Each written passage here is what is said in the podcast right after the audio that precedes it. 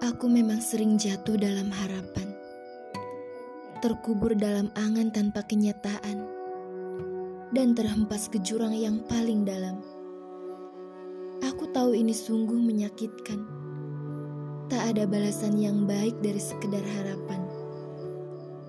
Telah sering aku menangis pada setiap luka yang selalu mengikis. Namun aku paham Berhenti untuk berharap adalah jalan yang sebenarnya, yang harus kutempuh agar hati tak lagi rapuh.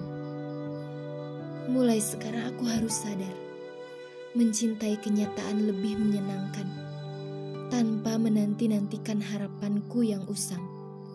Karena hidup itu perihal nyata, bukan hanya dusta.